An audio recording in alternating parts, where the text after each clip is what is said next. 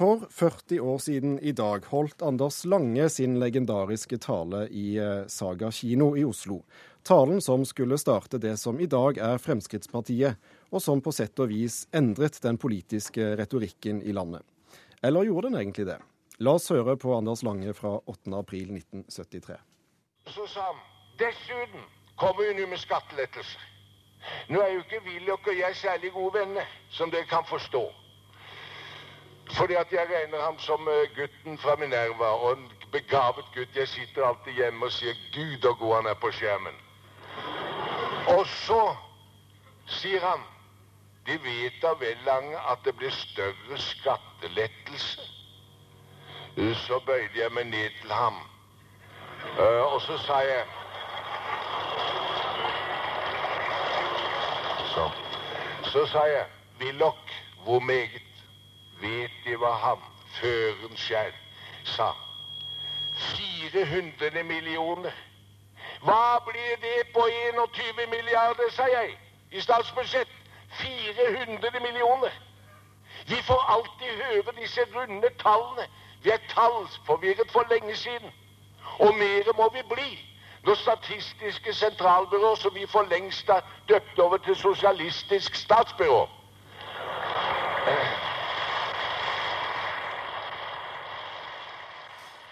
Anders Lange fra eh, Saga kino, 8. april 1973 altså.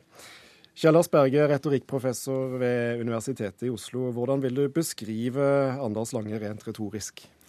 Du, han var en eh, retorisk eh, helt ustyrlig person. Eh, jeg tror ikke det partiet hadde blitt stort, altså Fremskrittspartiet. Det heter jo ikke Fremskrittspartiet for øvrig, det heter Anders Langes parti til nedsettelse av skatter og avgifter og jeg vet ikke hva. Det var et veldig langt navn.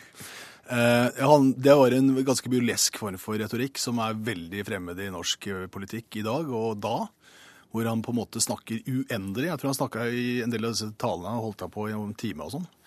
Eh, Prata i vei løst og fast, og eh, vitser og humor, sånn som vi hørte her, og langa ut mot eh, det bestående, faktisk. På alle mulige måter, og ikke minst Høyre. Og veldig, veldig sånn nesten litt klovnaktig måte å opptre på. Men med et klart politisk budskap da, som appellerte åpenbart til ganske mange. Ja, hva endret seg i den politiske retorikken i Norge etter Anders Lange kom inn på Altså Når det gjelder han, så vil jeg nok heller si det. altså Nå er det ikke veldig lenge siden. Det er jo så lenge siden at jeg var veldig ung når dette skjedde. Eh, Sånn at, eh, sånn at det som vil endre seg, det var jo hva man kunne snakke om. Altså Hele det konsensusen rundt eh, det norske og nordiske velferdsstatsprosjektet. Hvor altså skatter og avgifter var en hellig ku, hvor man ikke kunne diskutere det. Hvor man ikke diskutere staten, hva staten brukte penger til. Hadde en mye mer reflektert forhold til det. Det ble brutt med, med han. Men det er klart det er noe helt annet å snakke om Fremskrittspartiet, for det er jo et eh, helt vanlig politisk parti med en helt annen politisk retorikk og en mye mer gjennomtenkt politisk retorikk også. Så det at Anders Lange, det var liksom eh, den første liksom ville perioden, og så ble det jo Carl I. Hagen som overtok, og da var det jo en ny fase, for å si det pent. da. Så Hagen har, har vært viktigere rent retorisk enn enn, eh, Anders Lange? Jeg vet ikke hva Harald Stanghelle mener om dette, men ut fra min ståsted så tror jeg nok garantert ikke det partiet hadde vært særlig stort hvis Anders Lange hadde styrt det. Det tror jeg hadde vært et en enmannsparti med en del sånne fans, og så, så hadde de fått 1 og 2 og 3 og 4 prosent, og så hadde de vært borte når han forsvant, liksom. Vi så jo det samme med tilsvarende parti i Sverige som heter Nydemokrati, som var levet av en som het Ian Wachtmeister. At det hadde noe av den samme liksom, litt anarkistiske, høyreanarkistiske tonen, og det forsvant veldig fort. Du nevnte Harald Stanghelle, politisk redaktør i Aftenposten. Han sitter eh, også her. Du skriver i avisen eh, i dag at eh, Anders Langes tale for 40 år siden eh, er en av våre viktigste politiske eh, taler. Hvorfor det? Det var fordi at det var starten på det som i dag er landets største opposisjonsparti på Stortinget, altså Fremskrittspartiet. Og det var kanskje ei sånn politisk urkraft som Anders Lange som skulle til. Han braut alle lover, han var for debatter, han var ingen eh, saklighetens apostel, snarere tvert imot. Han var en villmann på talerstolen, men han kommuniserte enormt godt. Og det var forventning til det han sa. Det var også forventning om at han skulle gå lenger enn noen andre var villig til å gå. Og vi som vi som hørte han eh, noen ganger da før han eh, døde, eh, vi glemmer det jo aldri. Hva har eh, retorikken som så dagens lys da for 40 år siden gjort med politikken i Norge? Jeg veit ikke om den retorikken Anders Lange representerte, så dagens lys i 73. Det vil si, det vet jeg at den ikke gjorde. På mange måter så kan du si at han hadde 30-tallets retorikk, der det var en brutal karakteristikk av motstandere. Det var en ekstrem forenkling av den politiske budskapen. Nesten ei karikering av den politiske budskapen. Den retorikken eh, hadde vært ute av norsk politikk på mange måter etter annen verdenskrig. Da kom et samlende språk. der kom et felles politisk språk. Eh, og så gjeninnførte Anders Lange det igjen. Og på mange måter så kan du si at Carl I. Hagen har tatt noe av det videre i ei mer polert, polert eh, form, fordi han sa, svarte nei, han svarte ja, han tok ikke forbehold. Han var mer direkte, og det var en del av hans grunnleggende suksess da han entra den politiske scenen. Så Lange gikk rett og slett opp på loftet og hentet fram eh, gamle triks, han? Ja, det er helt riktig som Stanghild sier, at det her hører hjemme i 30-tallet. Da var jo demagoger ikke regna som noe skummelt og farlig. Altså, Da var jo til og med Arbeiderpartiet demagoger. Og eh, flere av de fremste Arbeiderpartifolkene brukte egentlig den samme type retorikk som vi hørte her på talerstolen. Eh, Tranmæl er jo et veldig godt eksempel. Men etter krigen så ble det jo eh, Dette her ble jo tabu, for det ble assosiert med ekstreme holdninger og sånn. Og det var liksom usaklig og skulle ikke snakkes på den måten. Hvis man leser eh, Den retoriske bibel for Arbeiderpartiet og sosialdemokratiet, som er tillitsmann Eia Gerhardsen, så utstedes det bannbuller mot denne form for retorikk. Og der er det saklighet og og nøkternhet som skal gjelde. Og, og der er det forelesningen da, som er altså den foretrukne form for politisk retorikk. Og det er meget langt unna dette.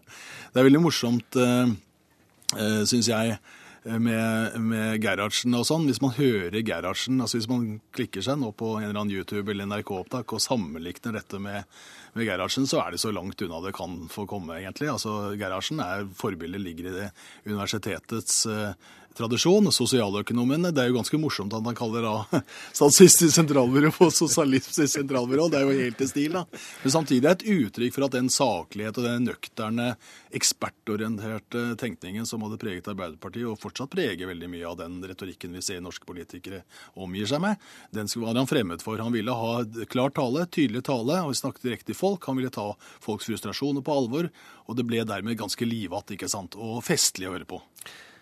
Carl I. Hagen eh, har jo eh, preget partiet lengst, definitivt. Eh, og han bruker du i din undervisning i, i retorikk på universitetet. På hvilken måte? Ja, altså Det er jo en fantastisk dyktig politiker og retoriker vi snakker om med Carl I. Hagen. Carl I. Hagen er jo mye mer målretta knytta til også å bygge opp et parti. Altså, det som er viktig med Carl I. Hagen, er jo at han fikk bygd opp et parti. Partiorganisasjonen, det må vi aldri glemme. Sånn at Det er jo ikke bare han, men det er et kjempeparti som er blitt bygd opp. og Det er jo en formidabel suksess og en utrolig prestasjon, egentlig. Og et veldig ryddig parti. Er helt vanlig, normal politisk parti. da. Samtidig så var han jo ekstremt dyktig på TV. Altså spissformulert, ja, ikke sant, men hadde jo ikke muligheten til å breie seg sånn som Anders Lange gjorde i disse, det som er opptakenes kilde her. da. Sånn at eh, Det Carl I. Hagen måtte gjøre, var å omsette denne spissformuleringen, denne elegante formen for kritikk, som jo egentlig dette er, da, og så kritisere direkte på TV. F.eks. at det går i strupen på, på, kritiske journalister og kaller de ARK, ikke sant? suverent, for da setter han jo liksom journalistene litt, eh, litt utafor. Men altså, det er jo spot on. altså Han jobbet jo veldig godt med seg selv. Carl I. Hagen han er en utrolig gjennomtent, velartikulert, veldig dannet politiker. Han kan, dette, kan disse mediene, disse nye mediene, TV-medier og radiomediene og sånne ting, som helt til fingerspissen. Det er ingen som slår han, altså. Eh, altså På mange måter så kan jeg si at Carl I. Hagen og det han skapte, det har gjort han til Europas mest vellykka populist. Og han har greid også det som eh, veldig få andre partieiere, som jeg vil kalle han, har, har, gjort. Nemlig han har greid å videreføre arven til eh, et nytt lederskap. Eh, veldig ofte så ser en at eh, den type parti som er så identifisert med én person, feller sammen som et korthus når den ene personen eh, tar vekk fra scenen. Men litt tilbake til retorikken. Eh, jeg syns nok at Berge bomma litt når han plasserer Einar Gerhardsen i den nærmest akademiske sosialøkonomiske tradisjonen og Anders Lange i den eh, folkelige. Eh, det må jeg nok si er et nokså haltende bilde. Men de var ekstremt ulike.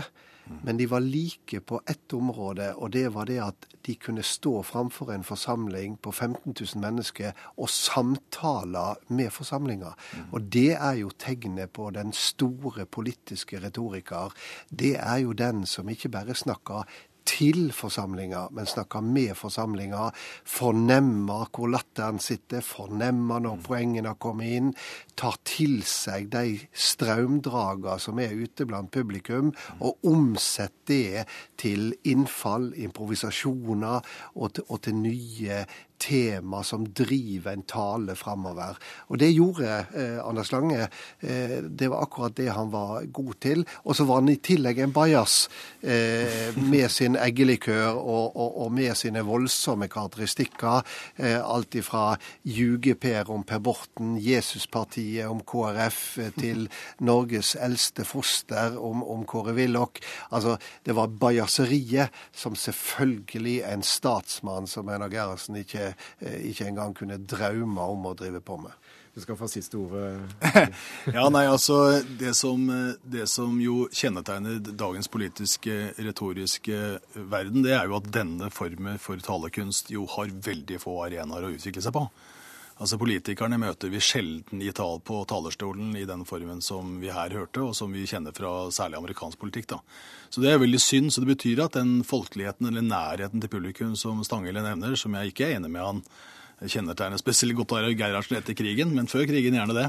Eh, det, det ser vi veldig sjelden. Og det er veldig synd, altså, fordi at politikk er demokrati, og politikk skal være knyttet til velgerne. Og det at politikere ikke er nærværende og viser seg fram for oss. At vi får liksom se dem som, som retorikere på talerstolen og få engasjementet opp sånn, det er veldig synd. og det, det håper jeg at norske politikere på en måte gjør noe med, og rett og slett etablere sånne steder hvor vi kan tre inn i deres eh, tenkeværelse liksom, og få høre dem engasjerte snakke foran oss og overbevisende om de politiske sakene de vil at vi skal støtte. Vi får reise på landsmøtene. ja, ikke sant? vi får se. Tusen takk, Kjell Lars Berge og eh, Harald Stanghelle. Vi skal unne oss et musikalsk innslag med selveste Anders Lange. Har du lyst, har du lov het en eh, svært populær radioserie som ble sendt tidlig på 1970-tallet. Det var parhestene, artistene og revyforfatterne Dag Frøland og Tore Ryen som var ansvarlige for programmet. Kjente folk ble invitert til å opptre med tekster forfattet av de to herrene. Og mang en politiker sto på scenen og prøvde etter beste evne å formidle sitt bidrag. Anders Lange ble selvfølgelig også invitert til programmet. Anders Lange skal frem og resitere sin banebrytervise. Dette er det største kulturelle innslag i Norge siden premieren på Bjørnsons Bergljot.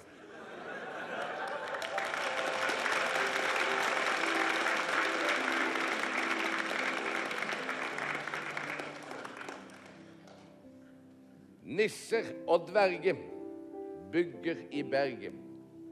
Gamle må Norge er nesten kaputt.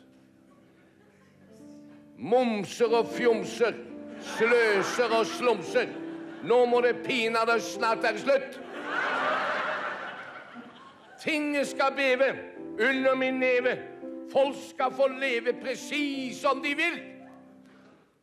Danse og drikke, skåle og ikke. Korvald kan sitte med surmelk og sild.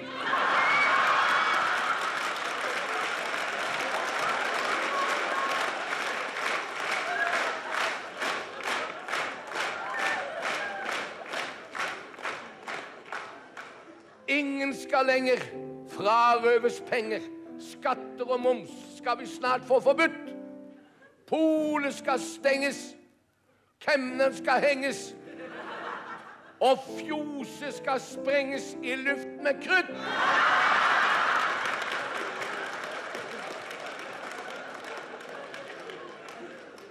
Dovre Nei, nå har jeg glemt det.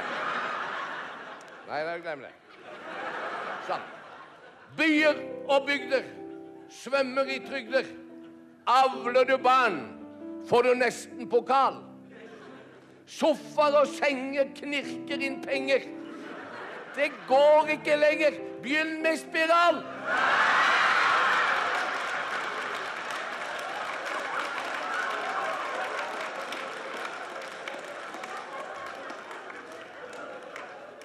Dovre skal veltes. Isen skal smeltes. Gamle mor Norge skal få litt humør. Skal få litt humør.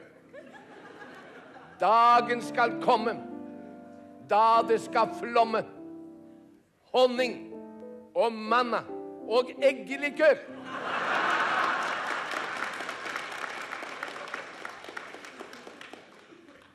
Den dag jeg kan få til at alle får råd til å kjøpe seg villa, Mercedes og pels, da skal jeg slutte.